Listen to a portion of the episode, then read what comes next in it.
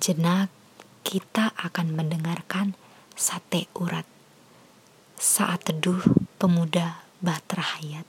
Sebelum itu, mari kita persiapkan hati kita, kita satu di dalam doa. Allah Bapa kami yang bertahta di kerajaan surga, Tuhan Yesus yang baik, kami mengucap syukur karena kebaikan Tuhan di dalam kehidupan kami sehingga kami masih boleh menjalani aktivitas kami sampai sekarang ini juga. Sebentar kami akan mendengarkan sebagian firman Tuhan melalui renungan singkat kami. Kiranya Tuhan Yesus yang boleh mengurapi hati dan pikiran kami, sehingga hati kami hanya tertuju kepada Tuhan saja, dan firman yang boleh kami dengar boleh kami lakukan di kehidupan kami. Inilah doa, ungkapan syukur dan sembahyang kami Tuhan. Di dalam nama Tuhan Yesus, kami sudah berdoa.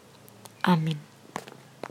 Tema kita pada hari ini adalah jaminan rasa aman terambil dari Ulangan 19 ayat 1 sampai 10. Kota-kota perlindungan.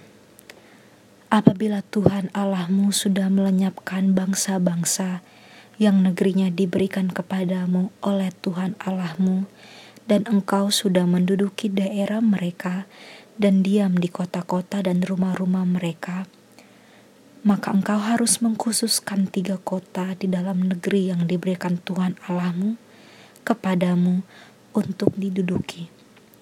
Engkau harus menetapkan jauhnya jalan dan membagi dalam tiga bagian wilayah negeri yang diberikan Tuhan Allahmu untuk dimiliki olehmu, supaya setiap pembunuh dapat melarikan diri ke sana. Inilah ketentuan mengenai pembunuh yang melarikan diri ke sana dan boleh tinggal hidup. Apabila ia membunuh sesamanya manusia dengan tidak sengaja dan dengan tidak membenci dia sebelumnya. Misalnya, apabila seseorang pergi ke hutan dengan temannya untuk membelah kayu. Ketika tangannya mengayunkan kapak untuk menebang pohon kayu, mata kapak terlucut dari ganggangnya, lalu mengenai temannya sehingga mati. Maka ia boleh melarikan diri ke salah satu kota itu dan tinggal hidup.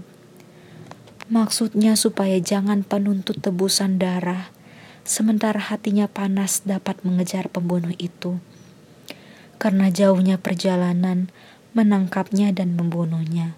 Padahal pembunuh itu tidak patut mendapat hukuman mati, karena ia tidak membenci dia sebelumnya.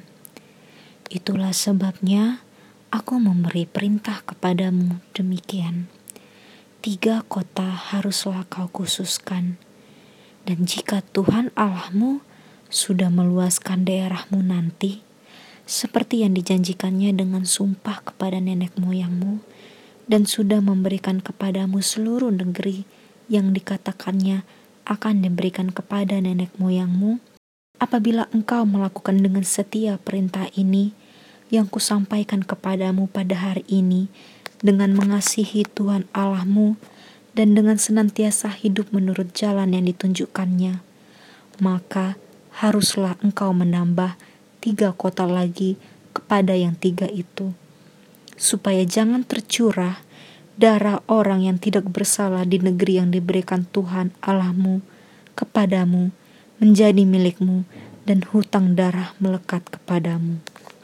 Rekan-rekan, Abraham Maslow dalam teori lima kebutuhan yang diusungnya berpendapat bahwa satu dari lima kebutuhan manusia ialah kebutuhan akan rasa aman. Menurutnya, kebutuhan rasa aman ini menempati posisi kedua setelah kebutuhan fisiologis yang adalah kebutuhan manusia paling dasar, seperti makanan, pakaian, rumah, dan sebagainya. Untuk itu, hendaknya manusia dalam hubungan dengan sesamanya dapat menjamin ketersediaan rasa aman tersebut. Dalam hubungan Tuhan dengan manusia pun demikian. Kasih Tuhan direalisasikan tidak hanya dengan menolong manusia saja, tetapi juga dengan menjamin keamanan umatnya. Perintah Tuhan untuk membangun tiga, bahkan enam kota perlindungan adalah bentuk nyata dari hal tersebut. Kota-kota ini ialah tempat perlindungan bagi mereka melakukan pembunuhan, baik yang disengaja maupun yang tidak disengaja. Orang yang dengan sengaja melakukan pembunuhan dapat dihukum sesuai kesalahannya, tetapi orang yang tidak bersalah dapat dibebaskan dari hukuman. Tuhan mengetahui kemungkinan pembunuhan terjadi bukan karena dendam atau kesengajaan seseorang terhadap sesamanya. Oleh sebab itu, Ia menginginkan keadilan, bukan tuduhan atau penghukuman secara sembarangan, demi terciptanya keamanan. Rekan-rekan, jika Tuhan sendiri menjamin rasa aman bagi tiap manusia, apa pun perbuatannya, Mengapa kita sebagai manusia masih suka menuduh dan main hakim sendiri? Jangan mudah terprovokasi dan menuduh orang lain sembarangan, baik secara langsung ataupun lewat media-media sosial yang kita miliki. Mungkin mereka memang bersalah, tetapi kita tidak berhak sedikit pun untuk membuat mereka insecure. Pengadilan biarlah menjadi bagian Tuhan tetapi sebagai orang muda Kristen, tanggung jawab kita ialah menjamin tersedianya rasa aman di dalam keluarga, gereja, masyarakat, dan setiap hubungan yang kita miliki dengan orang lain. Amin. Rekan-rekan, untuk menutup renungan kita pada hari ini, mari kita bersatu dalam doa. Tuhan Yesus yang baik, Tuhan Yesus yang bertata di kerjaan sorga, terima kasih karena kami boleh mendengarkan dan merenungkan firman Tuhan lewat renungan singkat kami.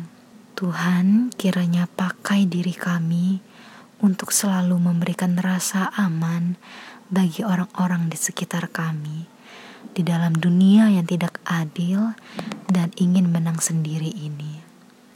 Inilah doa kami Tuhan. Dalam nama Tuhan Yesus, kami sudah berdoa.